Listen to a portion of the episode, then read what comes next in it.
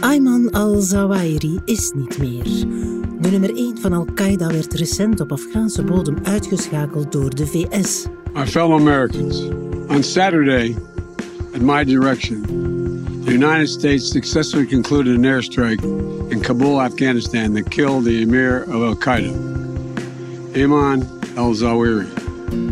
Al-Zawahiri wordt de architect van 9-11 genoemd en stond meer dan 20 jaar bovenaan op de Most Wanted list van de Verenigde Staten. Wat betekent het verlies van Al-Zawahiri voor terreurgroep Al-Qaeda? Is dit een te zware klap? Het is dinsdag 16 augustus. Ik ben Gonnie Put en dit is vandaag de dagelijkse podcast van de Standaard.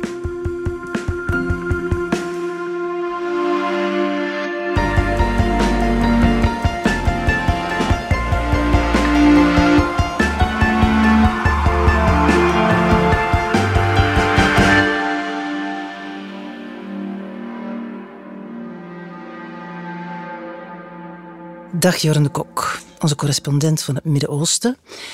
Heb je een gat in de lucht gesprongen toen je vernam dat de VS al Zawahiri hadden uitgeschakeld? Ik spring voor dat soort van dingen geen uh, gat in de lucht. Ik denk uh, dat ik zoals veel mensen eigenlijk de reactie had van...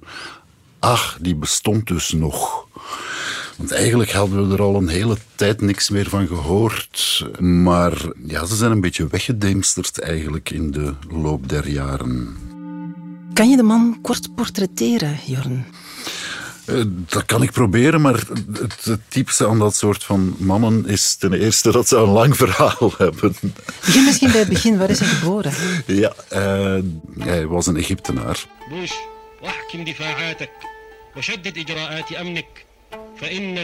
Geboren in een zeer gegoede familie. Hij werd zelf arts.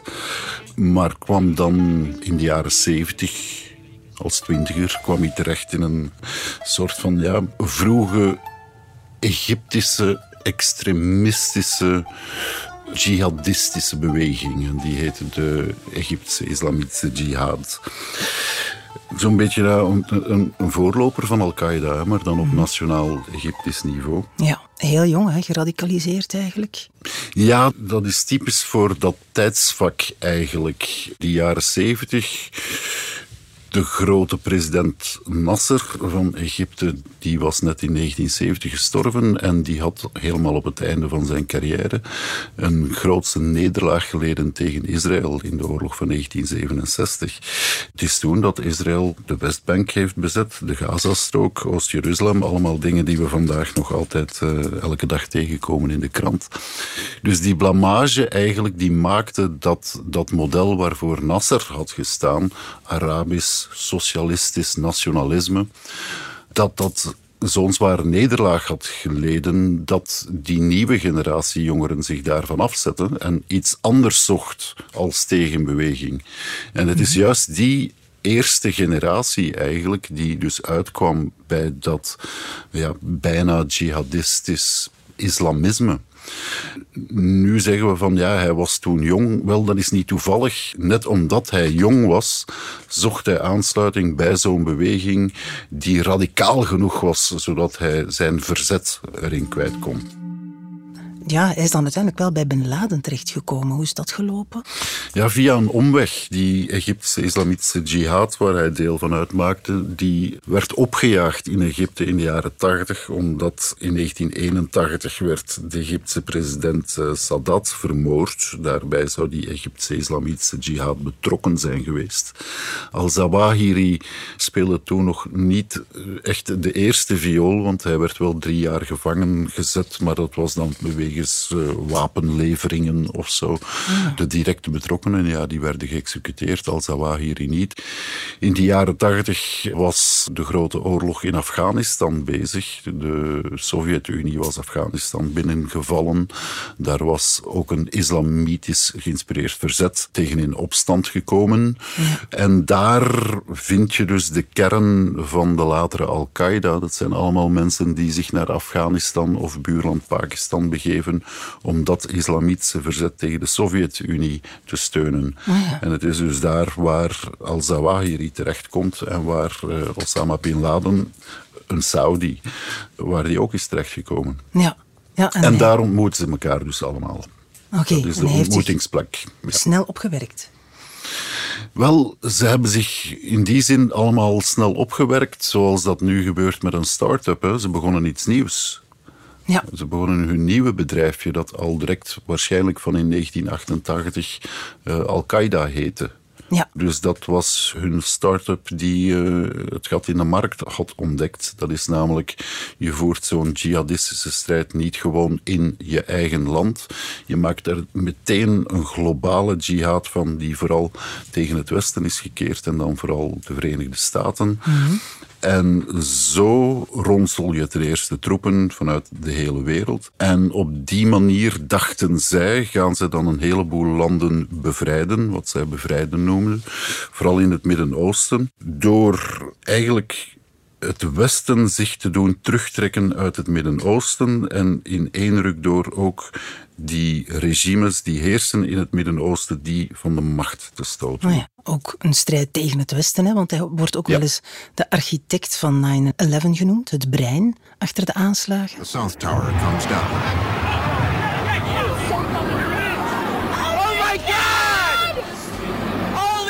Heel precies zullen we het nooit weten. Hij was daar in elk geval van zeer dichtbij bij betrokken.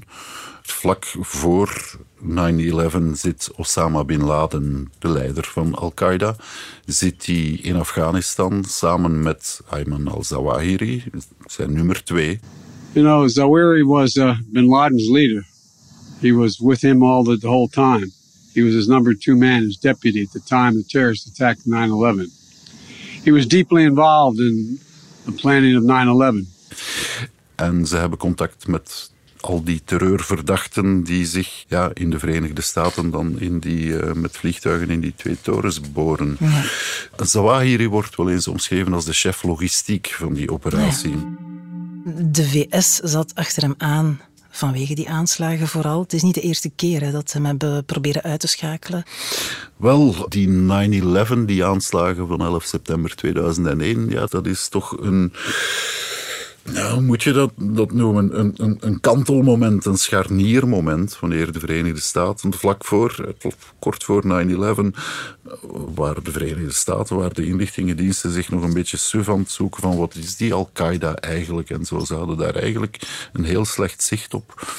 Maar met die aanslagen op Amerikaanse bodem, dan verandert alles natuurlijk. Dan beginnen de Amerikanen jacht te maken. In het begin gaat dat redelijk slecht.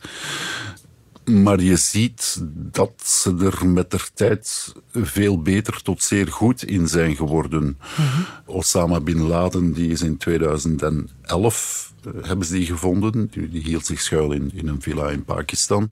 Tonight, I can report to the American people and to the world that the United States has conducted an operation that killed Osama bin Laden, the leader of Al Qaeda, and a terrorist who's responsible for the murder of thousands of innocent men, women and children. Als je kijkt naar de leiders van islamitische staat, nog iets anders dan Al-Qaeda, maar laten we zeggen, zitten in dezelfde business. Ja, IS, uh, hè? Ja, dat, IS. Ja. Mm -hmm. Die leiders die halen nog maar een carrière van een jaar of twee jaar aan het hoofd van IS voor, uh, vooraleer de Verenigde Staten ze vinden. Ah, ja. En dus Zawahiri, die is uiteindelijk, moet je zeggen, ja, twintig jaar voortvluchtig kunnen blijven. Dat is zeer lang. Maar uiteindelijk hebben ze hem dan toch gevonden en wel in Kabul. En weet je ook hoe hij precies werd uitgeschakeld? Ze hebben hem gevonden in een villa-wijk in Kabul. Het was blijkbaar niet zo erg moeilijk om hem daar te vinden, want die wijk had de reputatie dat daar veel Arabieren woonden. Ja. Wat het Afghaans is voor mensen van Al-Qaeda.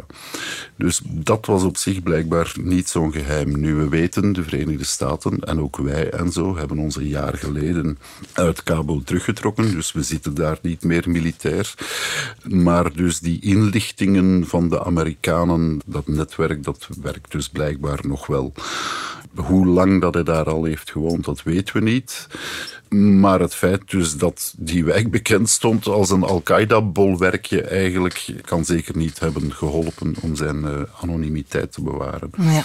Als ze een, een, aanwijzing hebben, dan uh, houden ze zo'n doelwit een paar weken tot een paar maanden in het oog, tot ze weten hoe die man zijn agenda eruit ziet. Mm. In zijn geval was het, hij kwam graag op zijn balkon.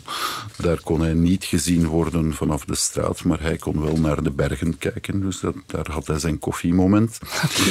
Daar heeft dan een drone op een bepaald moment een bom op hem afgevuurd. En er is nogal wat speculatie rond, maar er is weinig schade aan het huis. En er wordt gezegd dat er een, ja, een speciale bom is gebruikt, de R9X, R9X wordt die genoemd, die een snijbom is, geen explosieve bom. Dat is een bom die dat zich ontvouwt in zes snijbladeren als... Uh, als ze een doelwit vindt. Okay. En dus de man is, uh, ja, de ninja-bom wordt die ook wel eens genoemd. De man ja. is dus waarschijnlijk aan flarden gesneden. Wow, ja. Hij zat in Kabul. Die Taliban-regering wist dat allicht. Hoeveel slagkracht heeft Al-Qaeda in dat land nog? Wel, waarschijnlijk heel weinig, omdat de Taliban hebben eigenlijk ja, het grootste deel van het land terug overgenomen. Al-Qaeda is te gast bij de Taliban, blijkbaar. De Taliban zijn Afghaanse locals. Die hebben duidelijk een zeer grote macht in Afghanistan. De concurrentie voor de Taliban komt van Islamitische Staat Afghanistan. Mhm.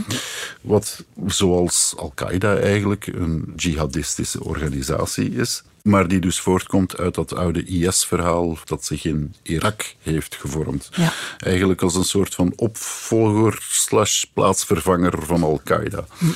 Dus Al-Qaeda zelf bestond nog, want ze hadden Al-Zawahiri nog, al is een heel groot deel van die oude generatie van twintig jaar geleden al lang overleden of geëxecuteerd of zit in de gevangenis.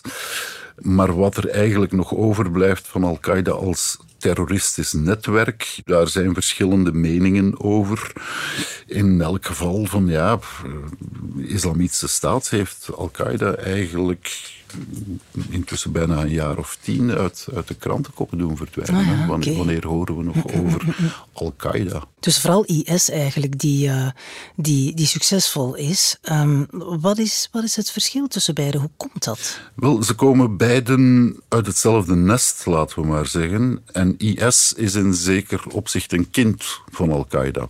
We hebben die aanslagen van 9-11, de Amerikanen en wij ook, vallen Afghanistan binnen. Al-Qaeda moet op de vlucht. Dus dat was natuurlijk al het eerste probleem. Dat is Al-Qaeda moest verdwijnen in de bergen. Ze werden opgejaagd, zowel Bin Laden als al-Zawahiri. Dus dat maakt je netwerk al een beetje moeilijker om te onderhouden. Dan vallen de Amerikanen in 2003 Irak binnen en daar ontwikkelt zich wat toen nog heette Al-Qaeda in Irak.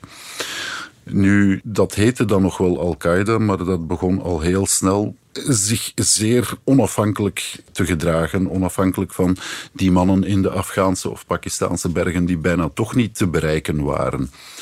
En het is uit die Al-Qaeda in Irak waaruit de Islamitische Staat is gegroeid.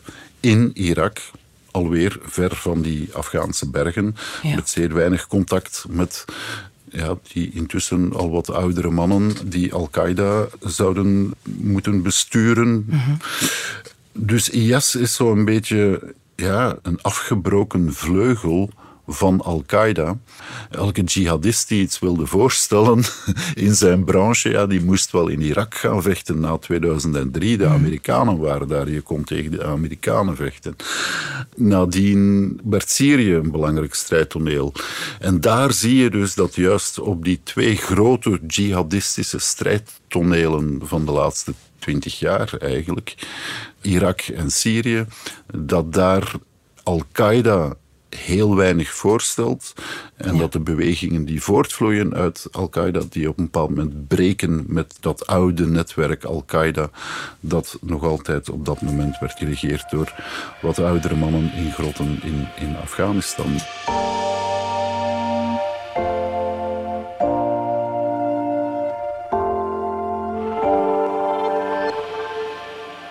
We gaan er even uit voor een korte boodschap. Psst. hey, luisteraar. Ik wil je niet storen hoor. Nee, integendeel. Ik wil gewoon even zeggen dat ik heel blij ben dat je een momentje voor jezelf neemt. Ma, ik ben thuis, hè. Het leven is al druk genoeg soms. Wat gaan we eten? Ja, schatje, ik kom ze bied. Ik moet eerst nog even iets afwerken. Oké. Zeg, iedereen verdient een momentje voor zichzelf. En net zoals dat jij van je podcast geniet, geniet ik om even verder te werken aan mijn Lego-bouwwerk. Misschien ook iets voor jou? Zoek even op Lego sets voor volwassenen. Dan kunnen we allicht ook wel zeggen dat uh, Al-Qaeda vandaag op het internationale toneel een pak minder voorstelt. Wel, zeker wel dan die hoogdagen van 9-11, toen, ja. toen iedereen schrik moest hebben van Al-Qaeda we moeten soms een beetje gissen hè, van wat stelt het nu eigenlijk nog voor. Er zullen veel terreurexperten nu zeggen van ja, kijk, al-Zawahiri was de opvolger van Bin Laden. Bin Laden was een charismatische figuur. Al-Zawahiri, ja, een, een dokter van 71 jaar oud met nul charisma. Stel dat ze nu een jongere charismatische figuur vinden, dan gaat die Al-Qaeda weer opbloeien. Mm zelf denk ik van ja, Al-Qaeda is een beetje een, een, verhaal van het, van het verleden. En ik denk niet dat je dat zomaar kunt reanimeren. Het feit van ja, ook Al-Zawahiri zelf, hij zat daar in een villa in Kabul. Wie was de baas? De Taliban, een, ja, een lokale Afghaanse islamitische organisatie die eigenlijk door mensen als Zawahiri eigenlijk zo'n beetje als boers wordt beschouwd. Nou dat waren toch ruwe Afghanen. Ja, de man werd ook als ziek beschouwd? Oud en ziek. Omdat je het zegt, herinner ik mij plots van, ja, van, van Bin Laden werd ook gezegd dat ze die snel zouden, zouden vangen, omdat hij nierdialyses nodig had. Ja, klopt. Ja. Maar die is toch ook nog tien jaar voortvluchtig kunnen blijven. dus... Nou, de Verenigde Staten hebben wel victory gekraaid. Hè? Ze vonden het wel belangrijk om hem te hebben. Now, justice has been delivered. And this terrorist leader is no more. People around the world no longer need to fear the vicious and determined killer. The United States continues to demonstrate our resolve and our capacity to defend the American people against those who seek to do us harm.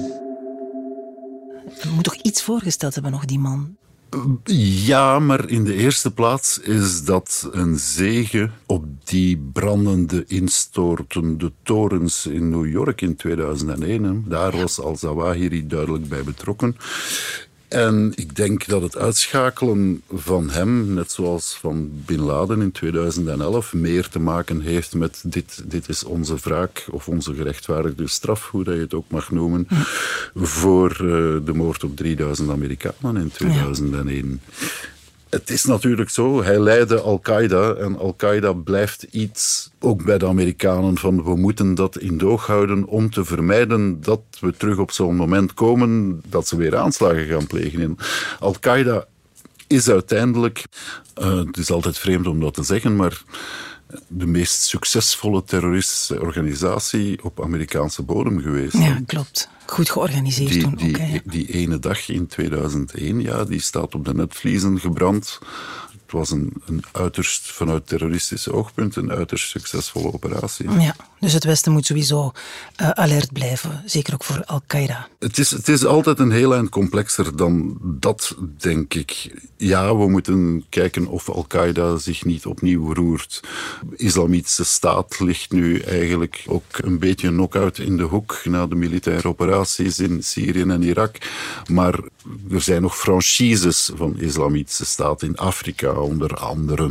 Die... Afsplitsingen bedoel je, kleinere groepen? Ja, wel, dat zijn lokale groepen die hun eed van trouw hebben gezworen, in dit geval aan de islamitische staat, toen de islamitische staat op het toppunt van zijn kunnen, van zijn carrière stond. Daar zie je het voorbeeld van Al-Qaeda doorwerken. Want Al-Qaeda werkte dus ook zo als een lokale jihadistische organisatie in Jemen of in Algerije zich bij Al-Qaeda wilden aansluiten, dan volstond een eenvoudige eed van trouw aan Al-Qaeda. Dus als je gewoon die woorden uitspreekt van ik zweer trouw aan, dan kan je dus beschouwd worden als onderdeel van die Al-Qaeda-familie. Hetzelfde bij Islamitische Staat. Dat maakt dat ze ook flexibel zijn. Hè. Tegenwoordig zie je groepjes opduiken diep in, in zuidelijk Afrika die zich plots het etiket Islamitische Staat aanmeten. Maar dus die groepjes die poppen op. Het verschil met enkele jaren geleden is dat je ziet dat die groepen vechten een meer een nationale strijd uit. Ja.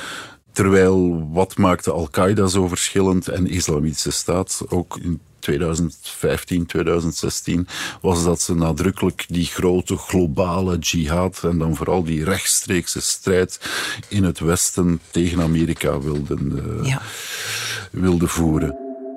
Wat zijn goede voedingsbodems voor dat soort terreurorganisaties? Elk systeem dat niet werkt, in de zin van elk systeem dat uh, vooral jongeren geen kansen, geen uh, economische mogelijkheden geeft, geen jobs.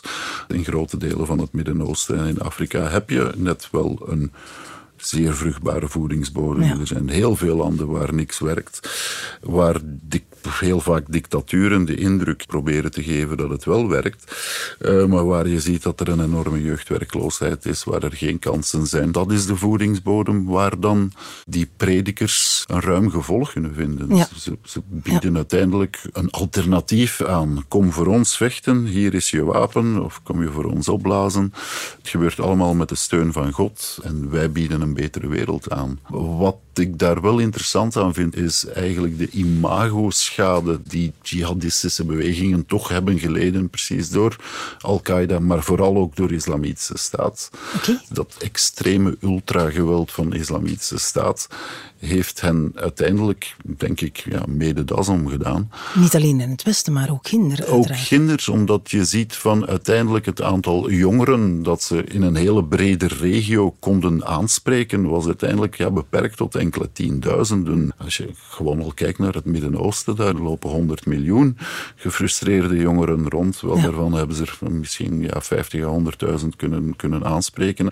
Hun ultrageweld heeft hen ook, denk ik, een enorme imago-schade toegebracht. Het is geen aantrekkelijk model uiteindelijk dat ze jongeren voorhouden. Als je beste voorstel is, kom bij ons, je mag jezelf met een bomgordel laten exploderen. Ja. ja. Wie gaat er dan komen solliciteren? Ja, ja, ja. ja. Dus ik denk persoonlijk wel dus dat het feit dat je nu die bewegingen bezig ziet op nationaal niveau en niet meer op groot internationaal of globaal niveau. Ja. Dat het voor een deel daarmee te maken heeft. Het model dat ze uitdragen is gewoon niet aantrekkelijk. Daarom vinden ze ook niet zomaar kandidaten. Ja, Jorn, hartelijk dank voor dit gesprek. Graag gedaan. Dit was vandaag de dagelijkse podcast van De Standaard. Bedankt voor het luisteren. Alle credits van de podcast die je net hoorde vind je op standaard.be slash podcast. Reageren kan via podcast.standaard.be. Morgen zijn we er opnieuw.